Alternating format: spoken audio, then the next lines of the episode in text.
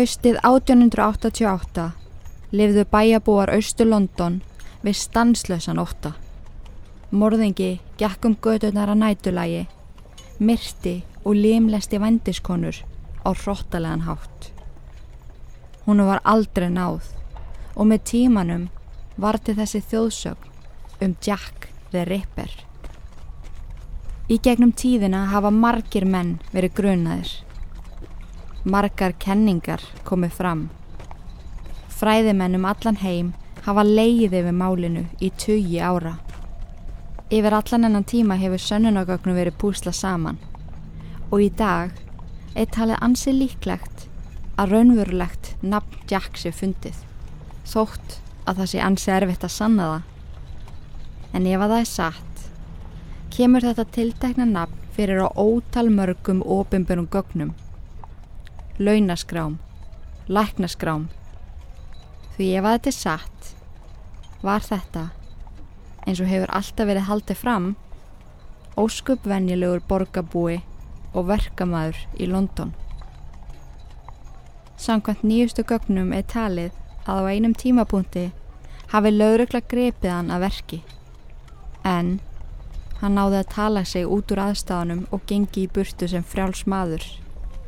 Það má því segja að síðustu 120 ár hafi Jack the Ripper verið í felum fyrir allra augum.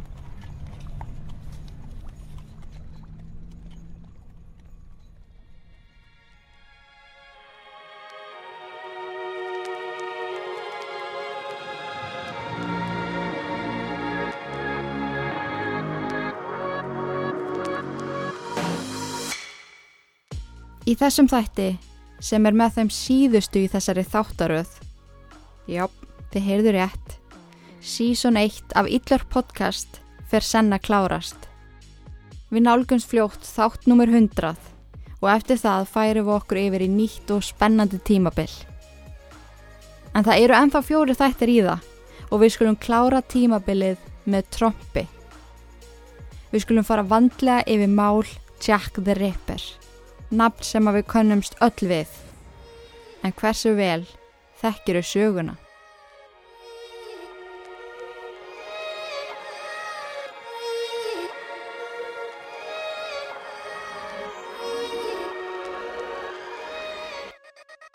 En við værum ekki hér ef ekki væri fyrir styrstaræðila þáttana.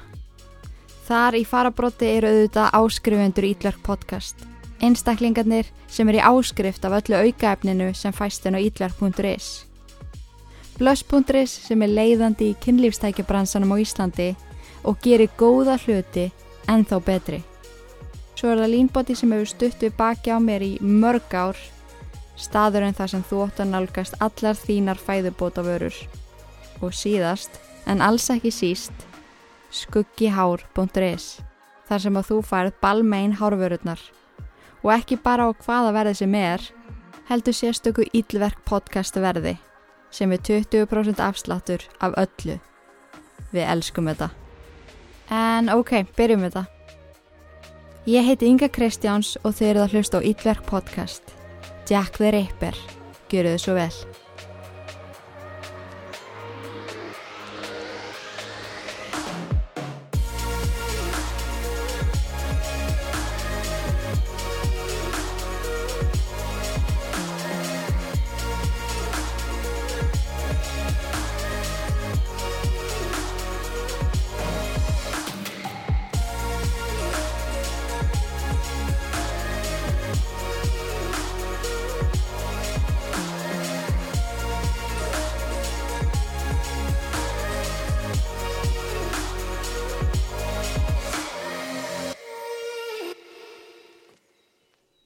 London 1880 Bretland var yfirfullt af innflytjendum á flótta frá heimalöndum sínum.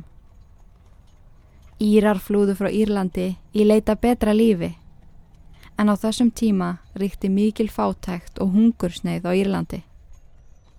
Fjöldin var gríðalegur en rúmlega 3% einlendinga eru upprunalega fættir á Írlandi fólk sem að snýri aldrei aftur heim.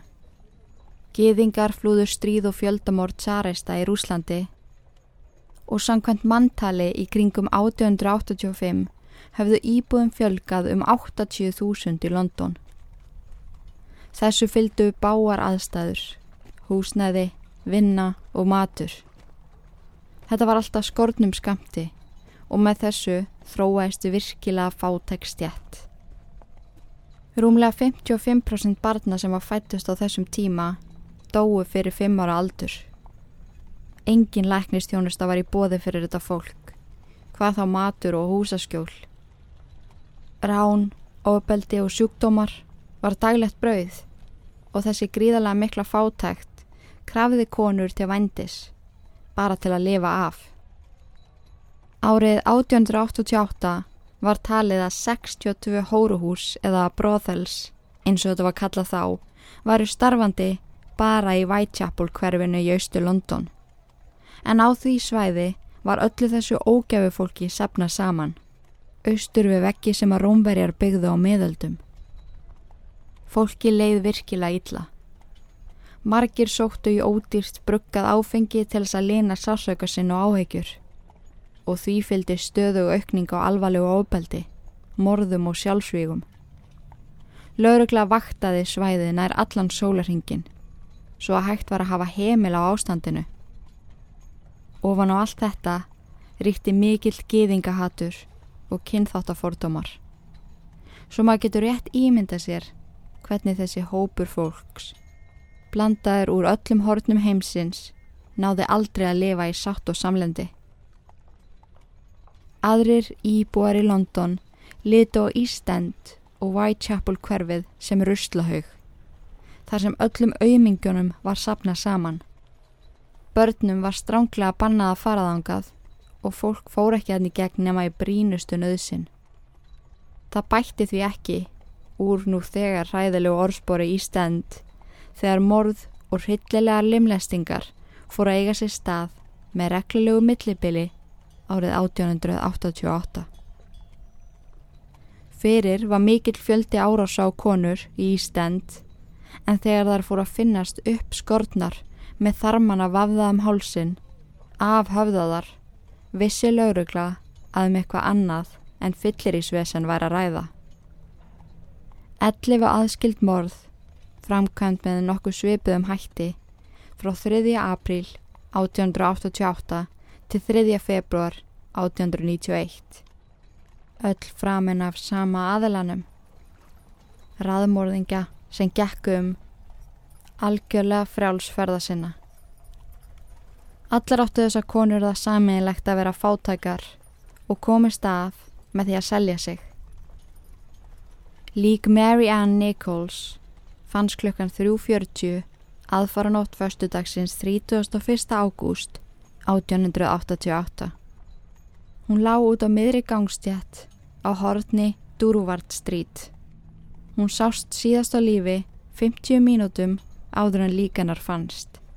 Í laugang hennar rist upp að hvið og hafði morðingin skorið hann upp og tókað þarma hennar út. Lauruglan hafði aldrei séðan að eins. Hvað á bladamenn og almenningur? Óttinn sem að fórum í stend var svakalegur. Morðingin hafi gert þetta á stöttum 50 mínútum út á miðri götu. Hver sem er gætu verið næstur. Þótt konur væri skjálfandi úr hræðslu, urðu þær að halda áfram að vinna. Hvernig áttu þær annars að komast af? Laugadagurinn 8. september 1888 6 um morgunin Uppgötast lík Annie Chapman Lík hennar fannst efst í tröppum sem að leittu niður í kallarægibúð í bakarði 29 Hanbury Street í Spitalfields. Háls hennar var skori niður í mænu á tveim stöðum. Hviður hennar var í ströpp. Holdið var lagt yfir vinstri öksl hennar og smáþarmar hennar lagður yfir hægri. Við krupningu og frekari rannsókn á líkinu komi ljósa leganar og þvagbladra hafi verið fjarlægt en þessi lífæri fundust ekki nálat líkinu. Elisabeth Long, sem hafi gengið fram í húsinu 30 mínútum áður en líka enni fannst, sá hana á samt dökkarði manni í svörtum frakka fyrir framann húsið.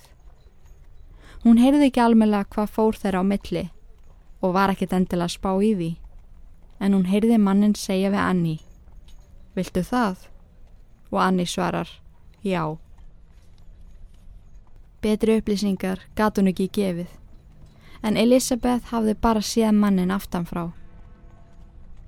En sá Anni sprell levandi.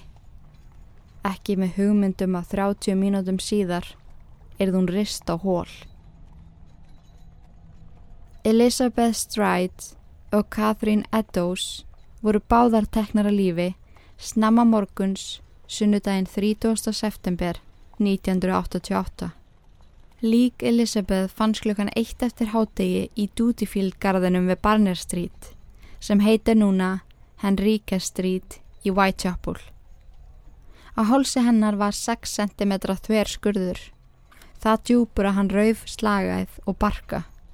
Morðið á Elizabeth var all mildara en þau áður nefndu og því voru evasemtir um hvort að Whitechapel raðmorðingin hefði framiða eða hvort hann hefði verið trublaður á meðan árásinni stóð.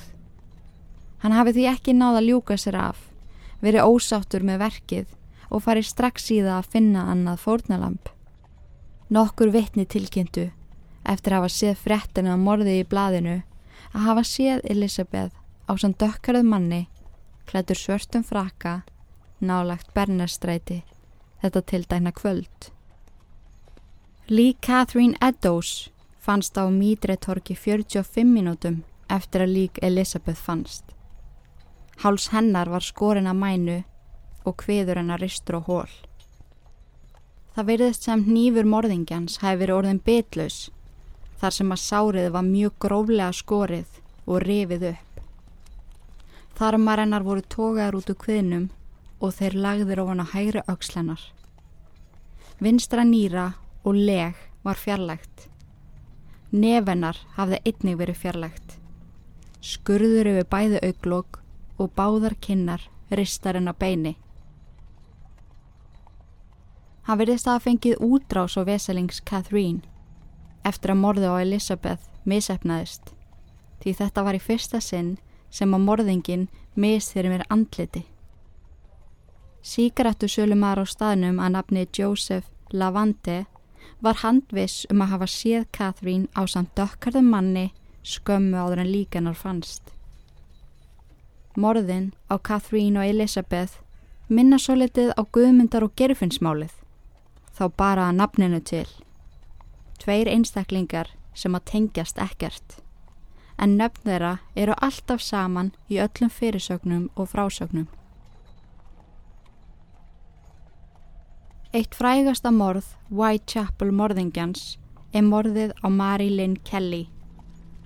Það er með fáum glæpavettvangum sem voru myndaðir og eftir að þú sér þessa mynd af hræðilega limlestu líki hennar myndu aldrei geta glemt henni. Líkanar fannst í rúmin hennar á Milleskort 13 við Dorsetgötu í Spitalfields klukkan 10.45 föstudags morgunin 9. november 1888. Andlit hennar hafi verið skorið svo mikið að hún var algjörlega óþekkanleg. Hálsennar skorið niður á mænu og hviðurinn ristur á hól og öll lífærin tekin út. Leginu, nýru og öðru brjóstunu var komið fyrir undir kottanum hennar og öll lífærin lagð hjá fótum hennar. Á náttborðinu mátti líka finna lífæri. Hjarta hennar hafi verið fjarlægt og fannst það hverki. Mál þessara kvenna sem að ég hef sagt ykkur frá eru kölluð Conical Five. Þessi morð voru framann á nóttunni á förstu degi eða laugadegi, yfirlegt í lok mánadar. Þarna var augljóst minnstur, ykkurar smá upplýsingar.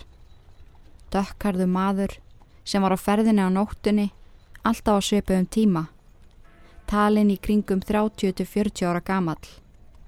En ég meina litlar upplýsingar eru betri en engar. Sumir fræðumenn telja að Mary Jane Kelly sé síðasta fórnalamb morðingjans. Þar sem að næsta morð sem var framið var mun mildara, ef að svo má orðið komast, en þau sem að voru framin áður. Margir heldu að eftir Mary Jane hafa hann hægt, drepist, farið í fangelsi eða flúið úr landi. En morðin heldu þó áfram á Ísland svæðinu. Þann 20. desember 1988 fannst lík hennar 26 ára gamlu Rose Millett. Á hálsi hennar var far eftir reypi sem var vissulega úr karakter morðingjans og út af þessu hjælt fólk að hann var í hreinlega hættur og mögulega gengi annar morðingi laus. En þær getgátur breyttust hins vegar þegar lík Alice McKenzie fannst. Morð hennar er talið að hafa átt sér stað rétt eftir miðnætti þann 17. júli 1899 í Castle Alley í Whitechapel. Það hafði aldrei liðið svona langur tími á milli morða, en það sem rendir stóðum undir að morðingin væri snúin aftur var djúpur skurður að hálsennar. Þeir voru tveir talsins. Það djúpir að mænan var það sem stoppaði nývin frá því að afhauðana. Það sem hins vegar rendir stóðum um að mögulega væri copycat á ferðinni eða hermikráka var grunnurskurður sem náði frá bringu konunar niður að nafla. Líkt á hermikrákan hefði ekki meika að fara með þetta alla leið og leika algjörlega eftir hróðalögum limlestingum fyrir fórnalamba. Það er því deilt um það hvort að fórnalambin hafi verið 5 eða 11 talsins. Hvort það hafi verið hermikráka eða hreinlega annar aktífu morðingi. Flestir eru þó sammála um að þessi 5 fyrstu séu framin af einum og sama manninum. En sama hver gerði þetta þá þurfti að grýpa inn í. Þetta varða að stoppa. Fólk var svo logandi hrætt og dagblöðin fjölluð ekki um neitt annað. Það er oft sagt að Jack the Ripper hafi verið fyrsta fræga dagblaða slúður fíkuran en þessi tímarami breytti taktik frettaflutnings til frambúðar. En hvernig átti lauruglan að ná þessu manni? Hann virtist þekkja hverfin vel, falla í hópin, vera einstaklingur sem að fólk kifti sér ekki upp við að vera á ferli á nóttunni, kannski bjóan í Whitechapel, kannski var hann verkamæður þar.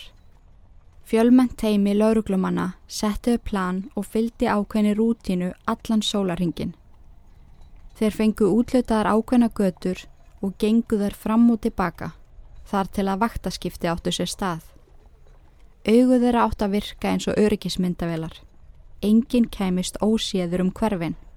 Ef að ykkur síndi vott af undalegri hegðun var hann yfirherður. Taktík sem að þekkist vel í dag og er talin hafa hafist þarna. Áður en glæpamæri handtekinn er oft rætt við þúsundir einstaklinga og þannig útiloka hvert veri sig. Lauruglustjórin sjálfur, Sir James Fraser, fekk það í gegn að sá hinn sami sem að geti veitt lauruglu upplýsingar sem að vísu á morðingjan fengi greitt 500 pund eða rúmar 11.500 krónur sem var ansi góð fjárhæð á þeim tíma. Slátrarar, skurðlæknar og læknar voru taldi líklegastir vegna þessa gríðalegu lemlestinga og áhuga á fjarlæga innibli. Viktoria Bretadrottning var sjálf vissum að morðingin væri slátrari. Hún var meiri segja með þá kenningu að morðingin inni á nautgreipa bát vegna tímasetninga morðana. Þessir bátar lögðu yfirleitt frá bryggju á förstudags eða laugadags morgnum sem þýðir að morðingin hafi verið á leiti vinnu þegar fórnalömpin urðu á vegi hans. Hópur sjálfbúðaliða gengu um Ístend á móti hópi lauruglumanna. Það var svo mikil óanægi almennings að ekki væri búið að handtaka morðingjan. Sjálfbúðaliðanir vildu spórna gegn frekari skada á atvinnulífinu og orspori með því að flýta fyrir.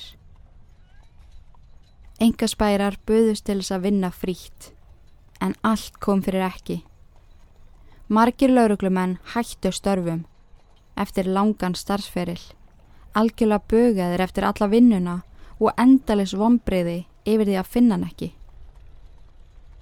Robert Anderson, yfirlauglustjóri sem á stjórnaði rannsókninni, fekk Thomas Bond, skurðlækni, til að greina frá áliti sínu þegar að koma tækni morðingjans. En á þessum tíma framkvæmdu skurðlæknar krypningu og aðra rannsóknir á líkum. Þessi tiltakna lýsing er einn elsta þekta kriminal profiling sem til er. Hann ritaði. Fyrstu fimm morðin voru augljóslega framinn af sömu höndum. Í fyrstu fjórum virðist sem hálsin hafi verið skorinn frá vinstri til hægri. Í síðasta tilviki, vegna mikillar lemlestingar, er ómögulegt að segja til í hvaða átt bannvæni skurðurinn var gerður. En slagæðar blóð fannst á öllum veggjum herbyggisins. Það bendir alltið þess að konunnar hafi leið þegar þær voru mistar og í öllum tilveikum var hálsin fyrst skorinn. Honu fannst ekkert sérstaklega líklegt að morðingin væri með ykkur að læknisfræðilega þekkingu. Tómas segir Að mínu mati er þetta einmanna vitstóla maður, kinnferðislega brenglaður með ofsóknaræði. Morðkvötin gæti hafa þróast út frá þrálátum brengluðum hugsunum. Hann gæti hafa verið hemdarhug, mögulega hatað konur vegna eitthvað sem að kom fyrir hann í æsku. Hann hafi sérstaklega ráðist á vændiskonur. Mögulega var móður hans vændiskona sem hefur tekið á hann andlega og brenglaðan. Mér þykir þessi kenning skurðlæknisins ótrúlega áhugaverð. Tökum smá móment og meldum það að þessi greining er síðan 1888. Þetta er alls ekkert ósvipað nútíma lýsingum.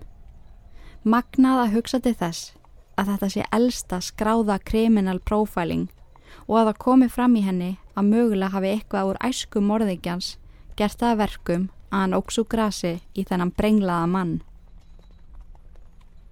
Það voru engar haldbæra sannanir fyrir því að morðingin hafi nöðgað konunum eða að misnota líkin kynferðislega en sálfræðinga telja að með því að skilja líkin eftir eins og hann gerði fötinn skorin af, skorið í leið hviður istur og hól og allt út glent og til sínis fyrir alla að sjá, hafi hann fengið kynferðislega örfun út frá því að gera líti úr konunum. Mögulega endur upplifa morðin setna meir og upplifa þannig kynferðislegan unað og kvata til þess að myrða aftur. En afhverju var morðingin kallaður Jack the Ripper? Það hafði enginn verið handtekinn, nánast enginn grunaður. Hvaðan kemur þetta nafn? Innan þess tímarama sem Whitechapel morðin voru framinn báru slauruglu og dagblöðum hundruður brefa. Sum þeirra voru frá sjónarvottum sem að vildu með brefskriftum sínum aðstöða við leitina. Önnur voru hrein og bein grín bref og í þeim hæðista lauruglunni.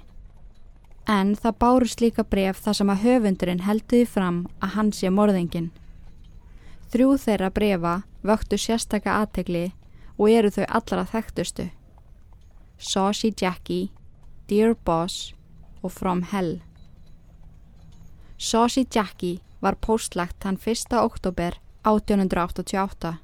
Þar kemur fram að morði á Catherine og Elizabeth hafi verið tvöfaldur atbyrður. Eins og ég saði ykkur fyrir þættinum. Hann hafi ekki verið sáttur með fyrra morðið því hann var tröflaður og því hafi hann klárað það sem hann byrjaði á með því setna. Það er postlagt sólaring eftir morðið á konunum. Dear Boss er dagsett 25. september 1888 en er postlagt tveim dögum síðar, eða þann 27. Þar kemur fram að hann ætliða að clip the lady's ear off og það er undritað af Jack the Ripper en þaðan kemur viðunefnið. Fyrstum sinn var haldiði fram að brefi var í gapp, en þrem dögum eftir að brefi barst fannst lík Catherine Eddowes og eira hennar hafði verið skorið af. Annarkort var þetta byluð tilviljun eða hreinlega morðingin sjálfur sendi brefið. Brefið from Hell var postlagt 16. oktober 1888. Í postkortinu var agna smár trekassi og ofan í honum var helmingurinn af mennsku nýra. Vinstra nýra vantæði lík Catherine Eddowes og í brefinu stóð Ég steikti og borðaði hinn helmingin af nýranu. Brefin voru öll rituð með svipaðri rithönd. Þá sérstaklega brefið Saucy Jackie og Dear Boss. Fræðimenn í dag telja að það sé sama rithöndin. Það síðasta er svo keimlíkt en ekki að blíkt og hinn áðunemdu. Árið 1931 viðukendi bladamæður og dánabeði sínu að hafa skrifað á samt samstarfsmanni sínum brefið Dear Boss sem var undirritað Jack the Ripper. Hann segist hafa gert það til að auka sölu á dagblæðinu sem hann vann hjá. Sem segir okkur það að nafnið kom aldrei frá morðinganum sjálfum sem eru ansi áhugaverðar upplýsingar. Þetta er einungis viðunefni sem var til í öllu fjölmiðla fárinu. Eins og við komum inn á áðan breytti þessi tími umfjöllum bladamanna. Jack var ekki fyrstimorðingin og svo sannlega ekki sá eini á þessum tíma en mál hans var það fyrsta sem að skapaði alvöru fjölmila fár og í raun fjölmila og slúður brjálaði. Og ekki bara í Breitlandi heldur út um allan heim.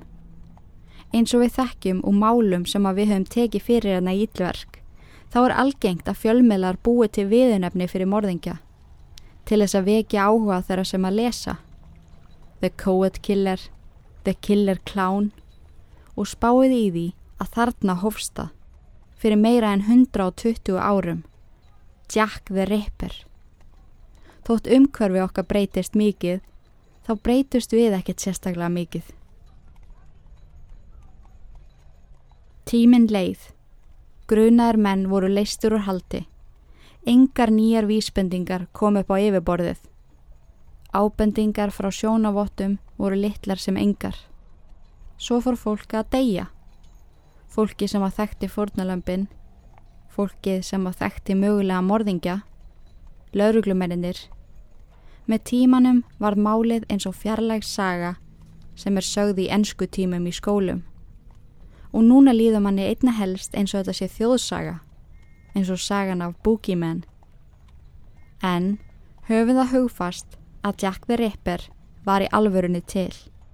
Það eru til skjálföst gögnum það og síðan 1888 hafa margir fræðimenn og konur rannsaka málið.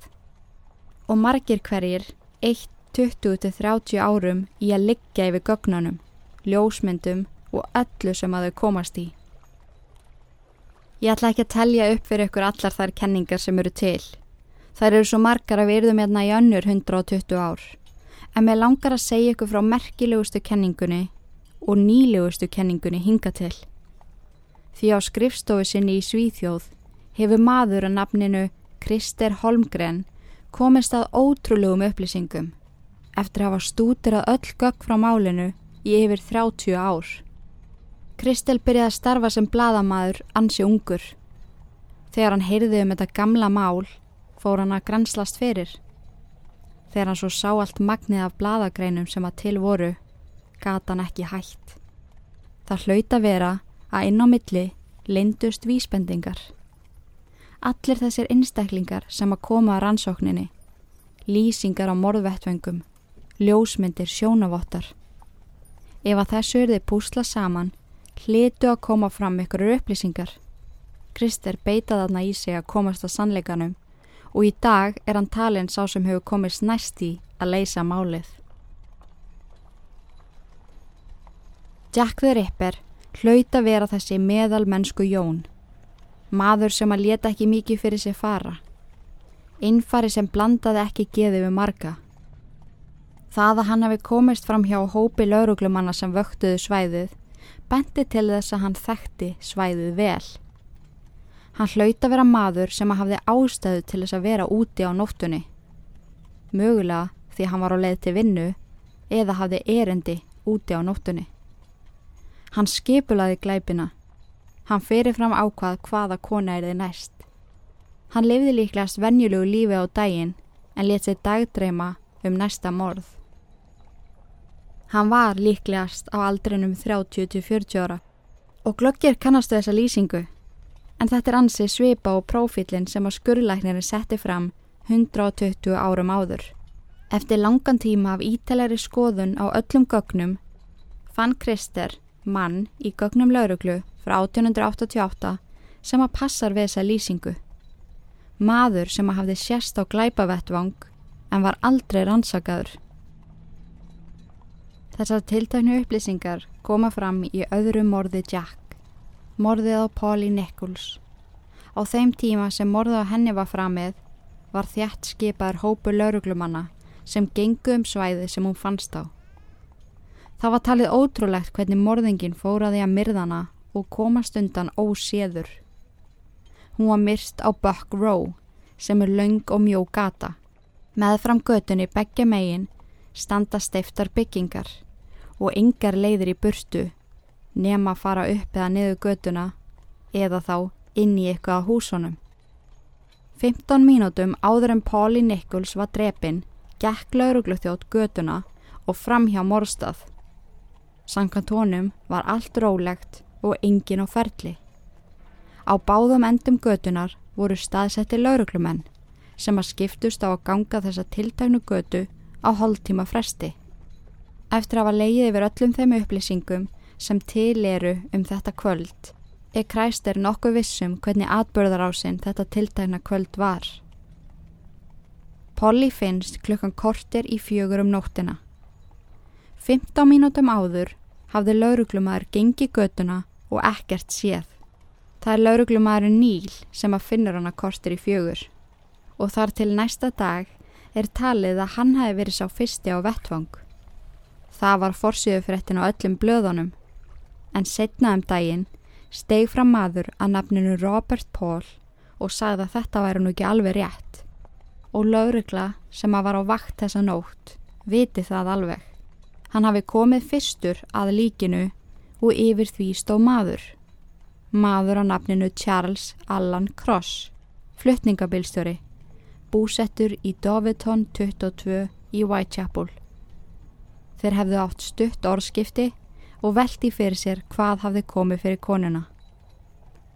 Þegar Robert stakk upp á því að færa konuna af gangstjættinni því að hann taldi hana enn á lífi þar sem að ekkert blóðið að engin ummerki voru á líkama hennar hafði Charles Allen sagt honum að láta hann að kjurra þeir ættu frekar að finna laurugluna sem á þeir fóru og gerðu þeir gengu upp götuna og fundu og endan um laurugluþjón Charles Allen ávarpar laurugluþjónin og segir við hann Það leikur kona á Buck Row það er lauruglumaður þar sem þarf aðstóð en þegar hann og Róbert yfirgáðu morstað var engin laurugla mætt.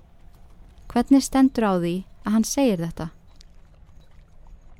Á meðan fann lauruglumæðurinn Níl líkið og þá var stór blóðpöllur undir konunni. Þegar hann skoðaði hana betur sá hann djúpan skurða hálsenar sem var falin undir kragakjólsinn sem hún var í. Þessar upplýsingar segja okkur það að morðið var ný skeið. Á þessum sjö mínútum sem það tók Charles og Robert að ganga upp göduna og finna lauruglumann og þar til Níl finnu líkið hafði myndast stór blóðbóllur. Kræster fannst einkennilegt að finna ynga umfjallin um hennan tiltekna mann sem var fyrstur til að koma á glæpavettvang. Svo hann fór í ítala rannsókn og nafni mannsins. Það hliti nú að vera tiltögulega auðvelt þar sem að hann hafði einni gefið upp heimilisfang. En enginn með eftirnafni Cross hafði nokkuð tíman búið í Doveton 22 heimilisfangið sem hann gaf upp. Og þarna voru strax komnar þrjár ábyrrandi falskar frásagnir. Fyrsta var að gera lítið úr alvarleika málsins við lauruglumannin sem að hann og Róbert ávörpuðu önnur var að segja að það væri nú þegar lauruglumar á staðnum og þriðja falskt heimilisfang. Kræstur telur að svona hafi Jack the Ripper talað sig út úr aðstáðunum. Þetta hafi verið make it or break it augnablik í báðaráttir. Með því að segja að það væri lauruglumæður á staðnum taldi hann líklega að lauruglumæðurinn sem að hann og Robert fundu myndi hleypaðum áfram og drífa sig á morðvettvang aðstóða kollega sinn sem er nákvæmlega það sem gerðist. Lauruglumærin þakkaði mönnunum fyrir ábendinguna, flýtti sér á vettvang og fyrir tilvilun var lauruglumæður mættur á svæðið og búin að finna líkið. Þetta var því algjör hefni, Því ef að lauruglutjónin hefði ekki fundið kollega sinn, hefði hann átt að sjá því að Charles Allen laug, sem að hefði vissulega breytt gangi mála. Eftir ansókn á nafni mannsins og heimilisfanginu sem hann gaf upp, komi ljós á tiltægnu heimilisfangi bjó maður sem hétt Charles Allan Ledsmýr. Var það í alverunni klikku tilvilun? Var þetta annað heppilegt gísk hjá Charles Allen? Eftir ansókn á Charles Allen Ledsmýr kom í ljós að 1861 þegar Charles Allen var 12 ára hafa hann tekið upp nafn stjúpföðu síns, Thomas Cross. Þegar stjúpfæðar hann svo lést hafa hann aftur tekið upp nafni Ledsmýr. Með þessar mikilvægu upplýsingar var hægt að rannsaka líf Charles Allen fyrir alvöru og í kjölfarið komu rosalegar upplýsingar í ljós. Kræster komst að því hvar Charles Allen vann. Hann hafði sagt satt með að vinna sem flutningabilstjóri en hann fór með kjötskrokka á hestakerru í Vestlanir. Hann hafði unnið á sama stað í 20 ár og alltaf farið sömu leið í vinnuna en hann gekk í rúmar 40 mínútur til vinnu. Hann lagði af stað í vinnuna klukkan 3.20 en hann átti að mæta klukkan 4 í vinnuna. Frá heimili Charles Allen á Glæpavettvang tekur 7 mínútur að ganga.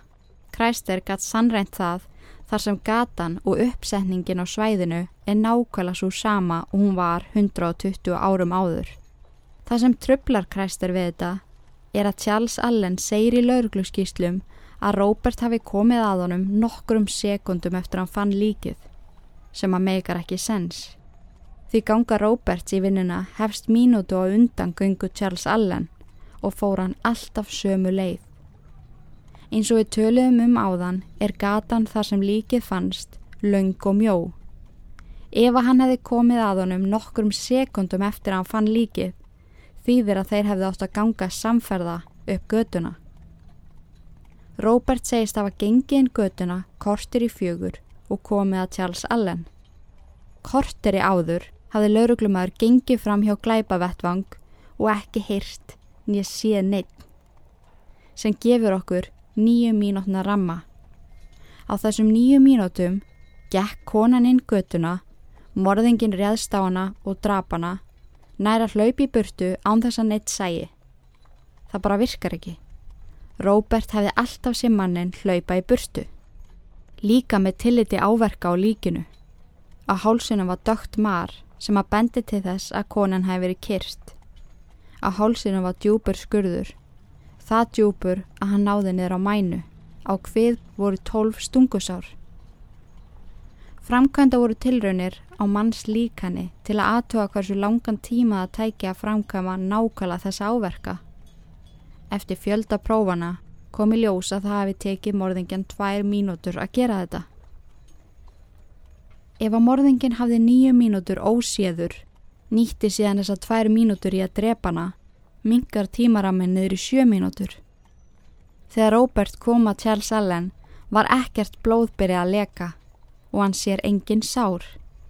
Það eina sem hann sá var Charles krjúpa yfir konunni mögulega búin að heyra í Róbert í enda gödunar, séð að hann gata ekki flúið, lagaði kraga kjólsinn svo að myndi hilja skurðin á hálsunum. En svo velti maður fyrir sér. Ef að þú ert nýbúin að skýra eitthvað á háls og stinga marg sinnis, yrður þú þá ekki útdataður í blóði? Það sem að varð Polly að bana var kirking, sem þýðir að hún var dáin og hjarta stopp og því hægt að pumpa blóði. Læknar og aðri fræðumenn segja að ef manneski er stungin eftir hún er dáin, spítist ekki blóðið endilega frá slagaðum. Það leki hægt og rólega og morðingi geti því sloppið nær algjörlega við að vera útataði blóði. Það þarf svo líka að taka þenn í myndina að þetta gerðist klukkan hálf fjögur um nótt og lýsingin árið 1888 var ekkert sérstaklega góð. Ef að Charles Allen var blóðugur á dökku fjötunum sem hann klættist, Gat verið að Róbert hafi hreinlega ekki tekið eftir því. Polly Nichols var ekki jafn alvarlega lemlest og önnur fórnalömp. Sárin voru ekki sínileg fyrir allra augum. Því þetta skipti var hann tröflaður. Hann hafði aldrei náða að flýja óséður. Það eina sem hann gætt gert var að laga kjólinn svo sárin og kviðnum sæjust ekki.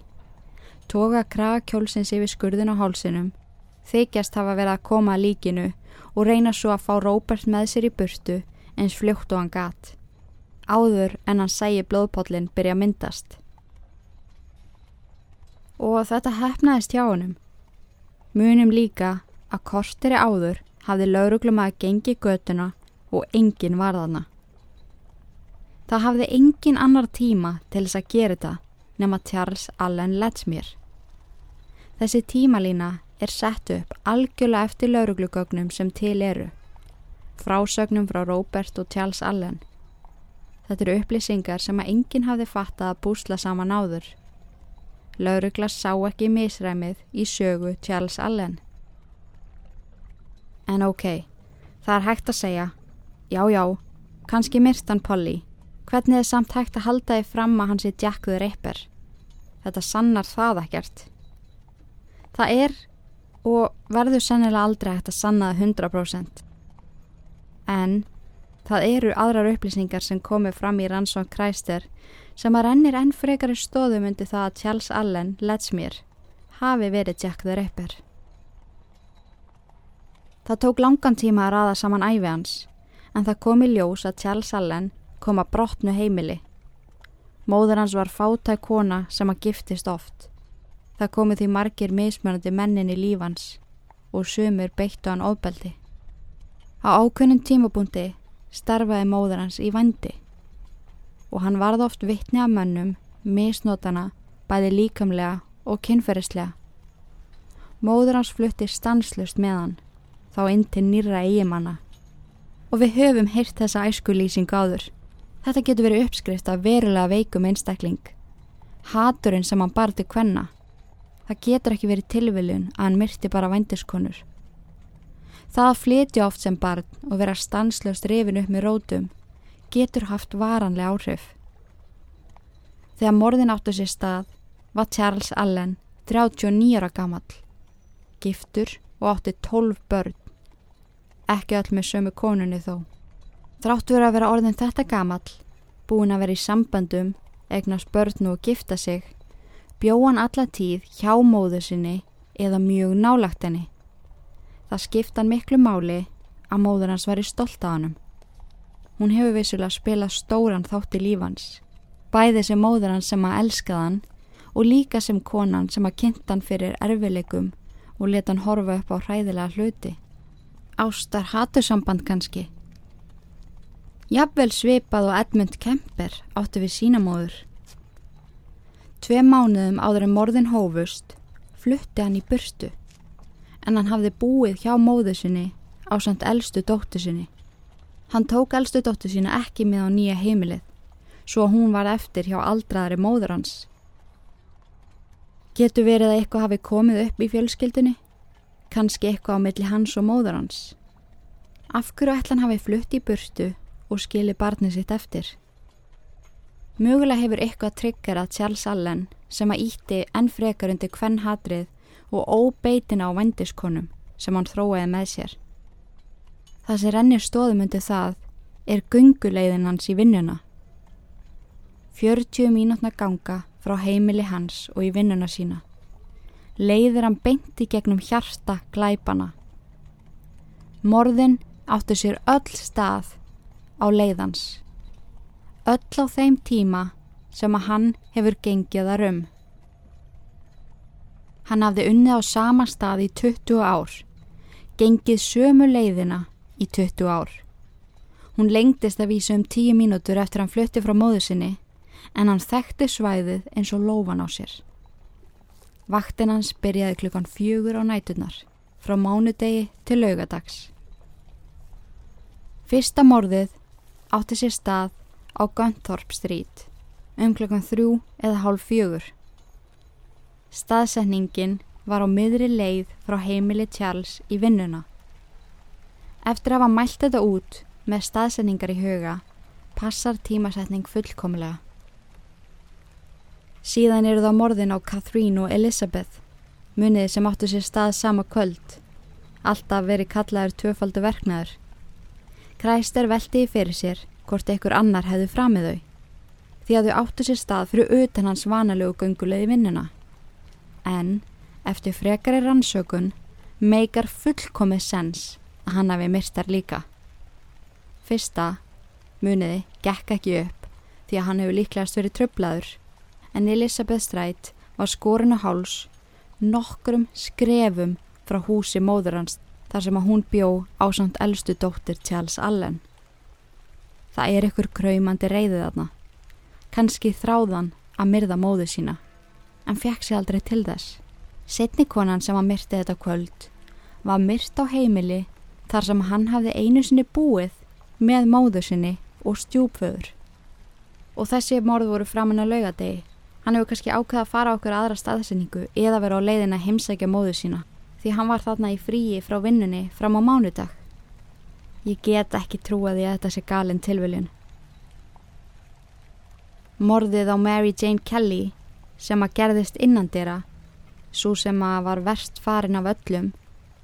Hann var búin að rista hann á hól og toga úr henni öll lífæri, taka hjarta hennar, setja leg, brjóst og nýra undir kotta Hann hefur verið þakin blóði eftir þannverknað.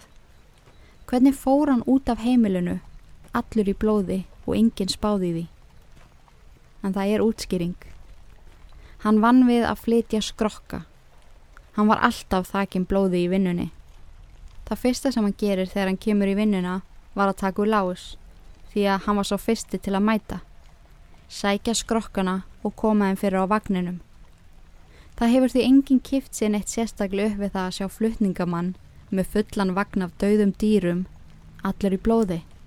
Þegar það fór á daga hefur fólk líklegast haldið á fötum hans væri dýrablóð. Eins og Krister Holmgren segir sjálfur, ef að Charles Allen var ekki Jack the Ripper, þá var hann óhefnasti maður í heimi. Því það er bókstala hægt að kortleggja hann á alla þessa staði útskýra allar gjörður hans á ekkun hátt. Charles Allen Lettsmýr liði lífi sinu sem frjáls maður, egnaði sparnabörn og átti nokkuð gott lífi í ellinni. Árið 1912 var tekin ánum ljósmynd sem að ég skal setja inn á ítverk Instagram. Og ég tek hundi það sem Kræster segir.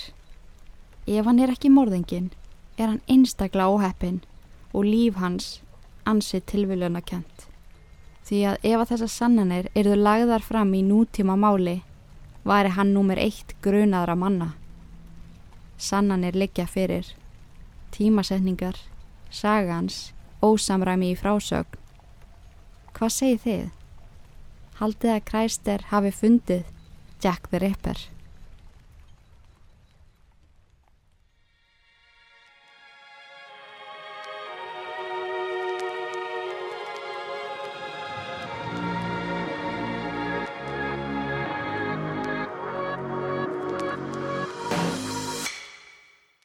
Kíkið endilega á áskriftaleiðinin á itlerk.is en þar getið þið komið í áskrift fyrir 990 krónur á mánuði. Tíu auka þættir, fullt af skemmtilegu framöndan. Ég lofa að þetta verða bestu 990 krónur sem að þú hefur nokkuð tíma neitt. Takk ykkur kærlega fyrir að hlusta. Takk fyrir að vera til og í guðana bænum forðist öll ítverk. Nema þetta podcast. Verðið sæl.